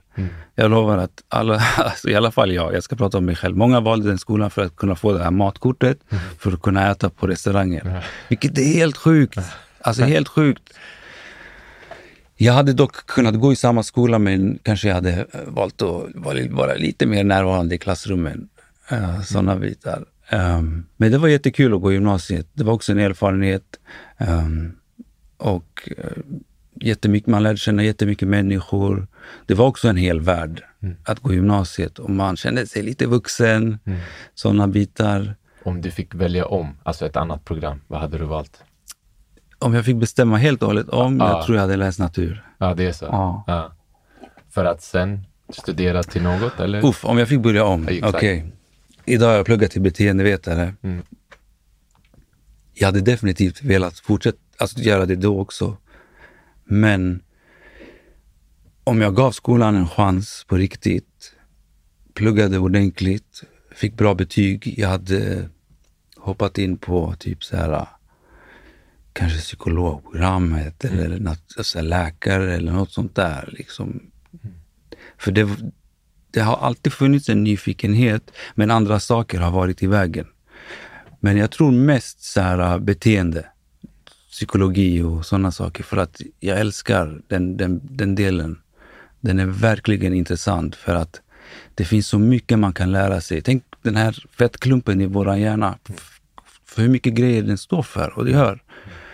Det är alltså fantastiskt. Vad för saker stod i vägen, tror du, för att du Alltså, tog... no, jag var nonchalant i skolan. Jag skötte inte det. Liksom, eh, så här, droger. Ehm, kanske inte på... Nej, men... eh, Ja, men jag, jag gav inte skolan en chans, tror jag. Det, det blev inget bra för mig. Och eh, jag vet inte varför. Jag hade bara inte motivationen då. Det var inte kul. Um, fast jag hade fortfarande drömmar inombords. Det var bara inte kul. Jag tror jag hade lite så här, jag, jag behövde, på den tiden, jag kanske behövde en role model eller något sånt där som var så här, "Hej, skolan är viktigt, plugga på, men jag, jag kanske inte ens jag hade lyssnat då heller. Det var, det var liksom, ja, när jag skulle börja ta ansvar, jag gjorde inte det. Mm. För det är det som händer när man går gymnasiet. Då måste du börja ta ansvar. Och jag kanske trodde jag var vuxen, vilket man absolut inte är. Även om du blir 18 i gymnasiet. Det är fortfarande för tidigt. Kanske förr i tiden man blev vuxen när man var 14, typ alltså för 500 år sedan. Men idag det känns som att, att man lägger ansvaret på eleven, individen. Jag förstår det till 100 procent, men man behöver sätta lite mer krav på... För jag tror gymnasiet är frivilligt, va? Jo, jag tror det är frivilligt. Obligatoriskt är fram till nian. Ja, så kan det vara. Och det kanske borde vara obligatoriskt att gå gymnasiet också. Och att du ska fullfölja din planering. Och om det inte går bra, du ska fullfölja den igen. typ. Um, det kanske är lite tid, för tidigt för att lägga ansvaret på eleverna eh, nu. Men saker kom i vägen, du vet, det var inte intressant för mig, jag hade inte motivation. Liksom, jag valde andra saker istället som var lite mer spännande, roligare. Trodde jag då. Mm, mm. Um, jag hade jättefel. Men hade jag fått gått om natur? Mm. Jag tror det. Mm. Det hade varit... Men det, det ser jag när jag är jag nu. Exakt. när det finns ett intresse. Tänk om det inte ens fanns då. Jag vet inte. Ja. Tänk om jag hade varit... Alltså jag var väldigt teknikintresserad då också. Jättemycket. Så jag kanske hade valt, vad heter det, här tekniklinje. Mm. Jag tror det var en tanke också förut. Jag minns inte. Blev du något påverkad av din omgivning eh, på att du valde samekonomi? Mm, nej, faktiskt inte samma ekonomi. Det var, nej, jag tror inte det. Jag valde, det var mer skolan som var attraktiv för mig, inte linje. Och samma ekonomi, det var så här, ekonomi, pengar, para. Du vet. Typiskt. Så det var en sån, så, sånt val. Liksom. Jag gick på vad jag trodde liksom var bra. Eller alltså, ja. Nej, men det var typ en sån, sån tanke jag hade. Ja. Har, Mm. Nej, alltså jag hade kanske gått sam ändå.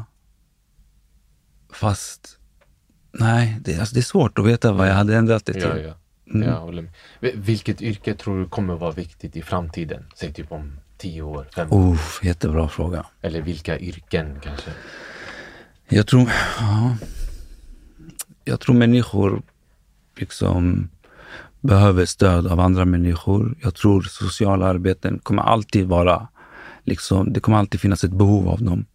För människor behöver hjälp. Det är svårt att klara sig psykologiskt, psykiskt, alltså själv. Det är liksom tufft. Eh, jag tror sådana yrken kommer komma att behövas och kanske öka. Eh, om man liksom kollar på utvecklingen idag av vad som händer. Mm, vad mer? Jag, jag vet inte. Har du någon tanke där? Jag tycker mycket glider ju mot IT. Ja, Där ja, ja, ja det är sant. Den stora, Ja, det där är ju ja. en stor, stor grej. Ja, Vi rör oss mot ett sånt samhälle. Ja. Men jag känner också att om man blickar ännu längre framåt, nu snackar jag mer än 10 år, kanske mer än jag inte, 50 år. Mm. Jag får också känslan att färre, allt färre människor vill vara så här fastanställda hos en stor arbetsgivare. Mm, Jag, jag upplever mm. mer att folk vill vara konsulter eller ha Ja. eget. Och jag skulle säga att det där är lite drömmen. Att, Ja, ja, absolut. alltså, finns det sju miljarder människor, det ska vara sju miljarder företag. Alltså nästan så. Mm.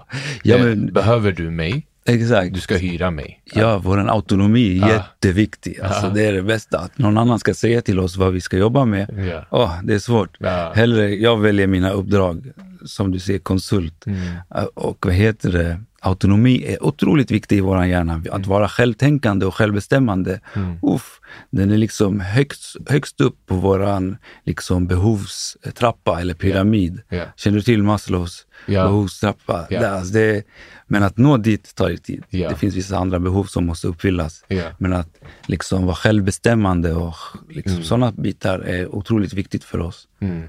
Du har helt rätt. Jag läste också studier ganska nyligen som visade att när man behandlar sina arbetstagare som vuxna människor, Ja, vilket många tänker det är väl en självklarhet, Ja. men det är inte det ofta. Nej. Om, du, om någon kontrollerar din tid, dina arbetsuppgifter, Ja. allt du gör, mm. då är du inte så självbestämmande längre. Nej. Ja, och det leder till att faktiskt många fler arbetstagare då trotsar. Då vill Ja. de inte så mycket göra arbetsuppgifter, men Mot- ger du dem friheten, Exakt. då går liksom produktiviteten. Ja.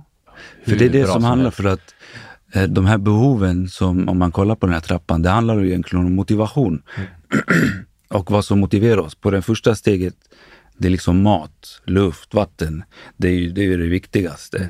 Det motiverar oss till det. Och sen, eh, kommer inte ihåg exakt alla, men social gemenskap och bla bla bla. Sen längst upp, där har du det här självbestämmande och självförverkligande.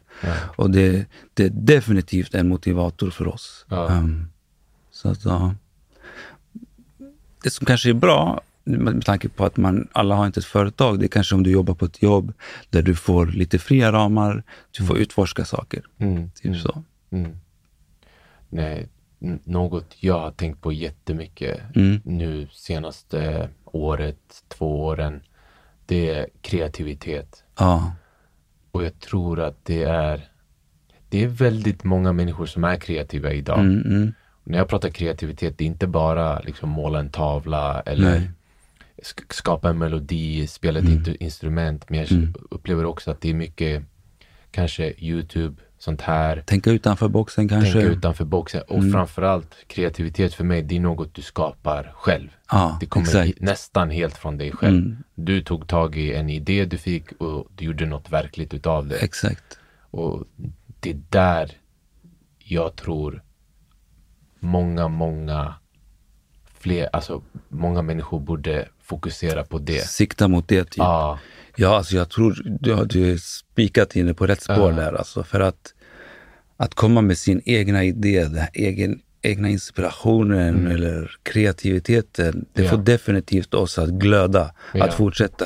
Kolla på alla så här, vad ska man säga, skapare. mm. Man ser deras passion, liksom. det, allt annat är brus. Mm. Kolla på de här som uppfinner saker eller alltså typ Steve Jobs. Alltså, Ja. man blir, alltså det är liksom, det är ju allt för dem. ja, Och att vara passionerad i det man gör, wow, alltså det lyser om den här personens ögon. Mm. Samtidigt man ska ha balans. Man får inte glömma bort sig själv. Mm. Den här jobba 700 timmar i veckan, ja. den får inte ta över. Ja. Liksom. Um, det finns andra saker i livet som är bra också. Mm. Mm. Och, och, det tror jag alla förstår.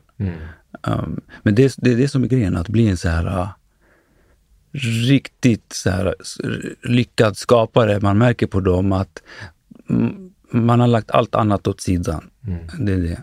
Mm. Men, ja. Jag håller med dig. Det, känns som att det är främst de människorna som driver världen framåt. Ja. Det, är det, det börjar med att de är kreativa, ja. sen utvecklas en passion. Exakt. passionen kan gå över också till att de är helt mm. obsession, du vet. Ja, alltså beroende av det de vill mm. skapa, vill få fram. Och jag tror det behövs och sen en grund av det. alla andra arbetstagarna. Ja. ja. Apple, hur många anställda har de? Alltså, men allting började med en persons Exakt. idé. Det... En tanke blev liksom det här stora. Exakt. Det är jätteintressant att se hur, alltså, hur drömmar kan bli till verklighet. Mm. Det är alltså, för många, en, en dröm kan bara vara att komma ur psykisk ohälsa. Ja. Alltså det kan vara deras stora dröm och när de sen är i liksom psykisk hälsa, alltså mm. bra då, hälsa, då är det så här wow. Mm. Hände det här verkligen? Ja. Hur? Varför? Ja. Så att jätteintressant att se för att jag tror många behöver den där passionen, inspirationen och kreativiteten för att också ta sig ur liksom dåligt mående det behöver väckas någonting där inne. Den, mm. En lampa behöver tändas. Mm. Um, och det behöver inte ske direkt. Mm. Men en lampa behöver tändas, som med träning till exempel. Mm. Jag kan ta ett exempel. Um, I början när man börjar träna seriöst, att skippa träning kanske är så lite busigt, lite mm. roligt. Och det är så ah, det är lugnt. Men när du har kommit en bit, att skippa ett träningspass, det är så här, ej, vad håller du på med? Yeah. Typ. Yeah är det så här vi ska köra nu? Eller? Mm. Du börjar må dåligt mm, egentligen. Mm. Mm. Det är det som händer. Yeah. Och ju, vidare, ju längre du kommer, desto mer du skippar de där liksom, tankarna och sånt där. Och, och, och, ja, nej, det är jätteintressant. Man behöver passion i allting eller inspiration i allting. Yeah. Även om det är svårt. Gör, gör du något kreativt idag? Eller något du tänker på att du vill göra? Alltså inte sådär jätte, jättekreativt. Kanske Nej, alltså vet du faktiskt inte. Mm. Alltså jag jobbar, jag, plugg, jag jobbar heltid, jag pluggar heltid. Mm. Eller förlåt, jag pluggar på halvfart. Mm. Kanske det är kreativt att behöva... Jag vet, jag vet inte, nej. Och din hobby? Träning. Träning är definitivt ah. min hobby. Liksom. Ah. Där är det... Där, är, där liksom lyser jag, även fast det är jobbigt. Ah. Det är skitjobbigt att gå och träna. Hur ser liksom. det ut? Hur, hur, är, hur är en vecka för dig när det jag, gäller träning? Jag slutar jobbet runt ja, med eftermiddag, säger vi. Och um, jag tar bussen till gymmet från jobbet och jag kör mitt pass. Och det brukar vara fyra, fem gånger i veckan. Mm. Och på gymmet, den första övningen är alltid jobbig. Men den sista är jag ostoppbar i. Mm. Mm. det är så jag brukar säga till mig själv. Alltså. Ja. Men alla dagar är inte bra dagar. Mm. Eh, jag älskar att träna. Alltså på förmiddagen. Men det blir svårt när man jobbar. Mm. Um, men jag brukar träna fyra, fem gånger i veckan. Det brukar vara alltså, så olika kroppsövningar.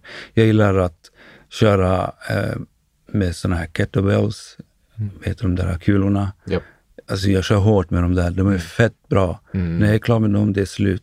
Men jag tränar också vanlig gym, alltså bröst, rygg och sådana saker. Men mm. jag älskar att kombinera det med att promenera vara ute i naturen. Mm. Alltså jag älskar det. Mm. Att vara i naturen är otroligt viktigt mm.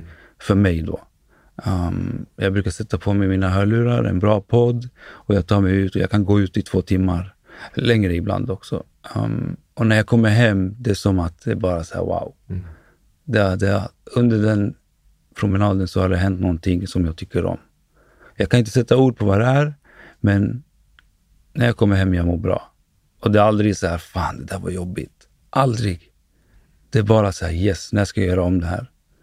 Så att jag brukar kombinera träning på det sättet. Um, mm. ja, det där faktiskt, jag gillar verkligen att du sa det här med naturen. Jag känner också det och hur jag skulle sätta ord på, ord på det, det är mm. när jag är ute i naturen. Ja. allt annat blir så oväsentligt. Ja.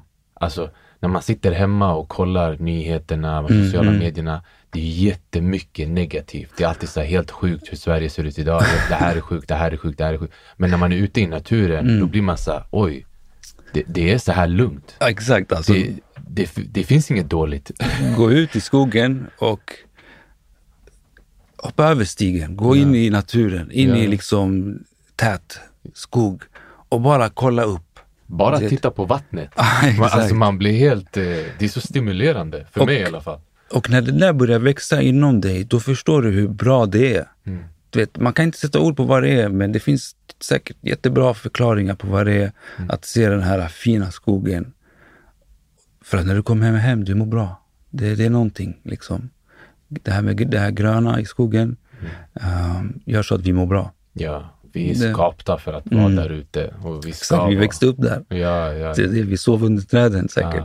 Ja, ja. Det är det.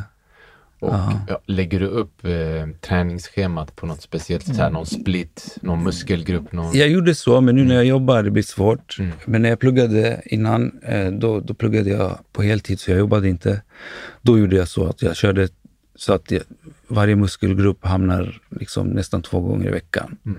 Men nu jag hinner inte. Det blir för tufft att köra så extremt. Mm. Så att jag kör en muskelgrupp i taget och, och det får gå ett, på ett rullande schema. Um, och ibland händer det att jag tränar inte, ibland tränar jag mer. Så att det är jätteolika just nu.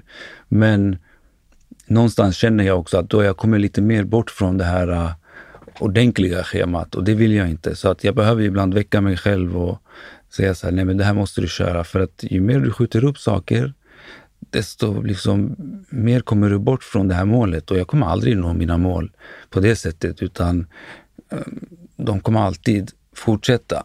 Liksom, man kan känna att man har kommit någonstans. Ah, Okej, bra, då nästa steg är det där, nästa steg är det där. Så att man utvecklas som människa. Men just nu jag, jag kör lite freestyle om jag ska vara ärlig. Ja. Det är lite så.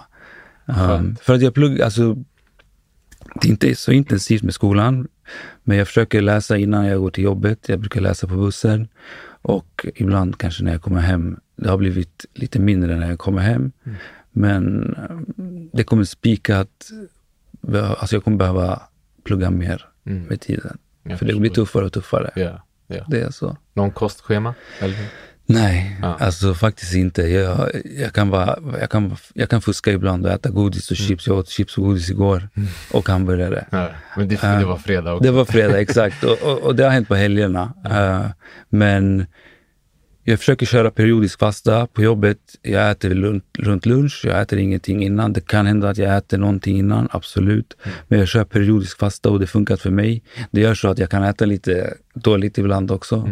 Um, men i övrigt, jag försöker sköta det på det sättet. Mm. Um, Det låter som att då du äter vid 12. 12 slutar tiden. Det kan, det kan hända att jag äter innan, men uh, 12. Ja, mm. typ 11-12. Och det sista måltiden är?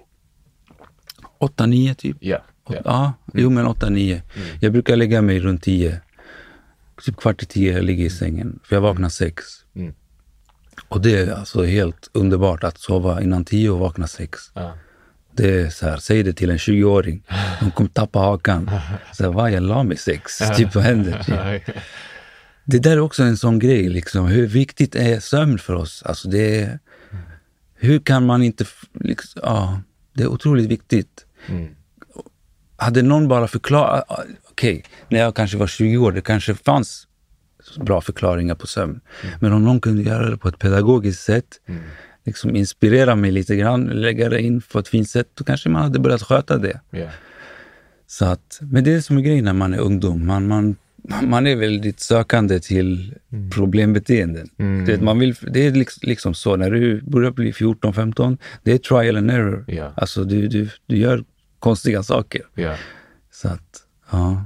Det är det, man, man vill också i ungdomen, man vill äga sina misstag. Det spelar ingen roll om en förälder eller någon säger det där är fel, det där Mm, är ett mm. misstag. Det är alltid så här, och jag vill göra det. Ja, exakt, det är mitt exakt. misstag. Man, Man måste bara man gå igenom den där tröskeln. Exakt, exakt. Och det, ja, nej, precis, du har helt rätt där. Mm. Jätteintressant. Och när, när jag tänker på sånt här, det blir så, det får mig alltid tänka på när jag Mm. får barn, Ja, att det är så svårt att vara den här, äh, jag vet inte, föräldern som kommer säga det här är rätt, det här är fel, det här är Ja. Absolut, jag tror man kan vara på något sätt vägledande, Mm. men när man vet att han eller hon kommer ha sin egna fria vilja och kommer Mm. vilja utöva sin frihet av att göra de här misstagen. Exakt. Det känns så svårt att förhindra dem. Ja, och förr i tiden, våra, för våra föräldrar, det var så här, men det här är rätt eller fel. Mm. Och kanske de här, när de sa det här är fel, de kanske inte visste att det kanske, det kanske inte är fel. De, de visste inte det, utan deras föräldrar kanske sa till dem det här är rätt eller fel.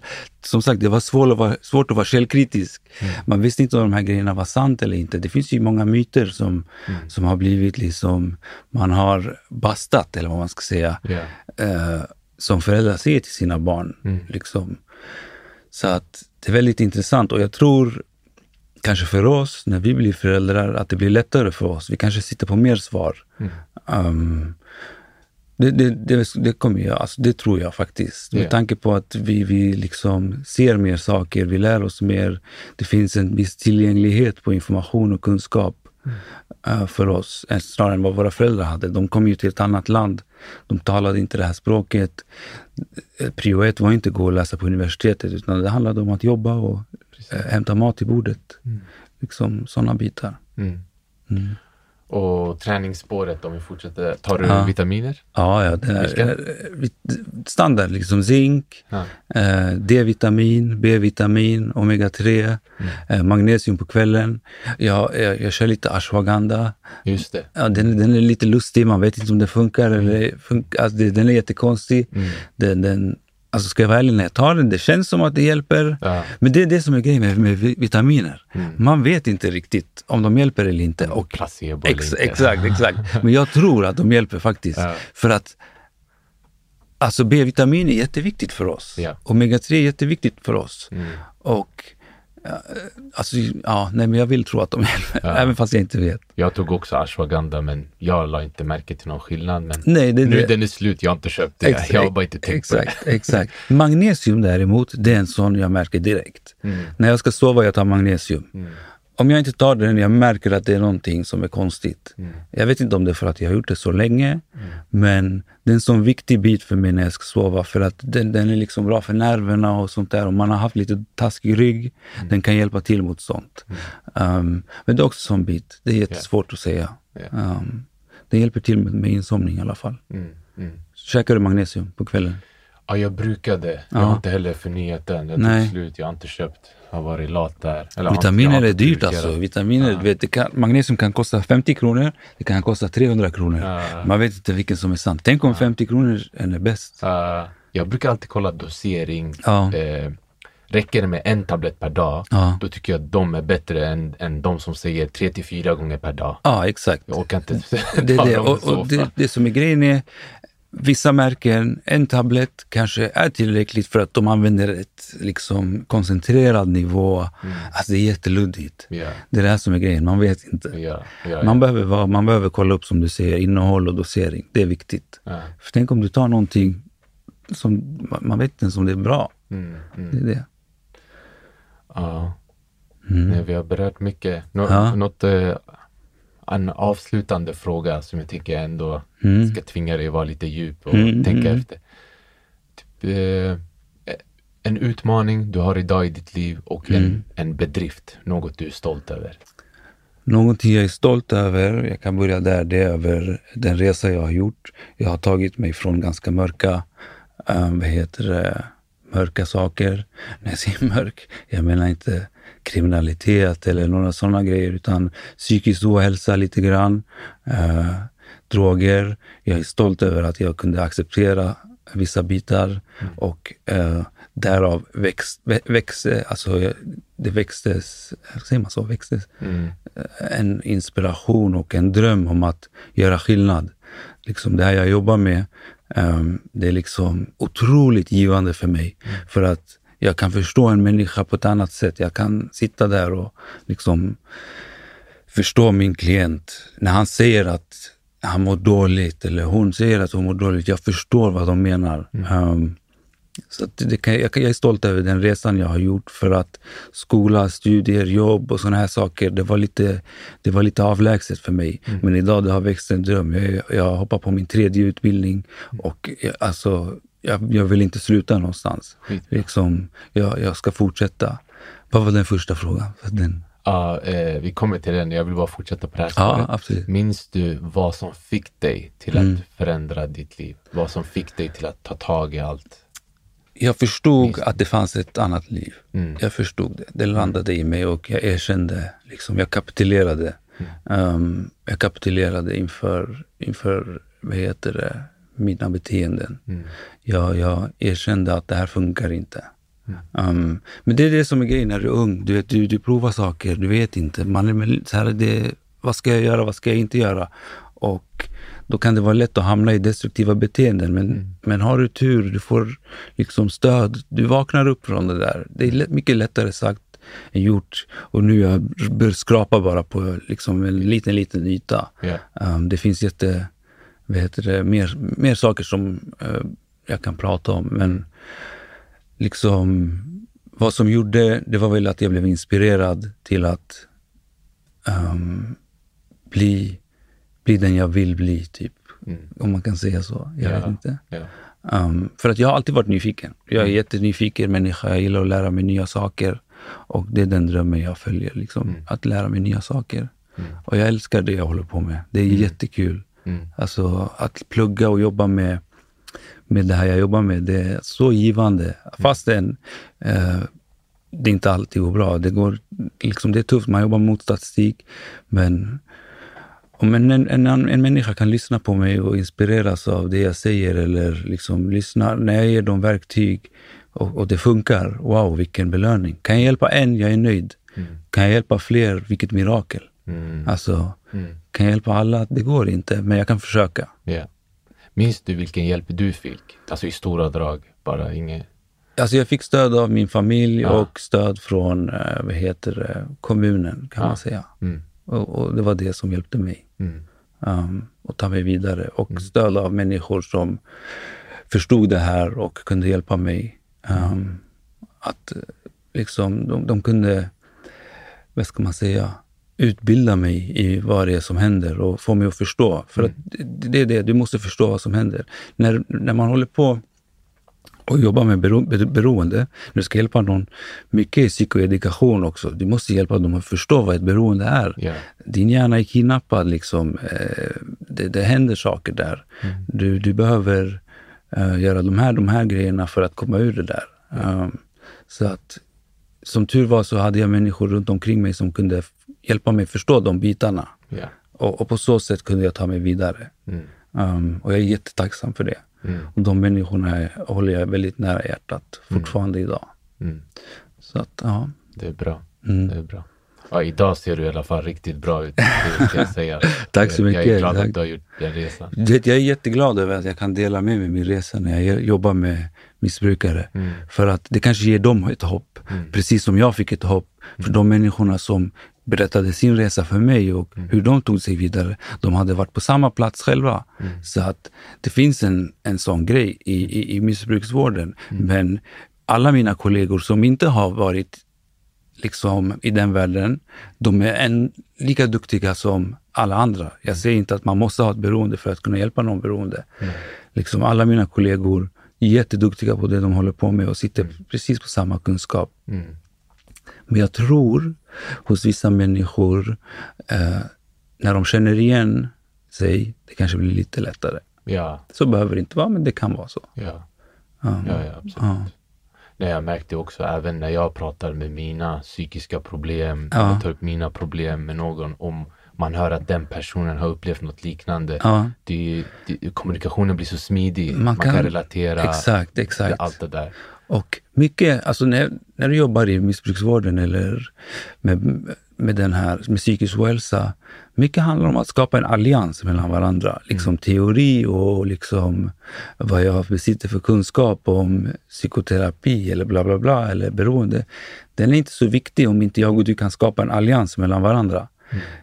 Alltså alliansen står för den större delen av en behandling. Mm. Kan jag och du ingå i en allians där du lyssnar på mig och jag lyssnar på dig och liksom jag ger dig de här verktygen och du tror på mig och kasta bort teorin. Ja. Jag kan använda den lite grann för att ge dig lite verktyg. Ja. Men litar du på mig och jag litar på dig så kan vi ska, skapa en trygg miljö Ja. och där, därifrån ta oss vidare.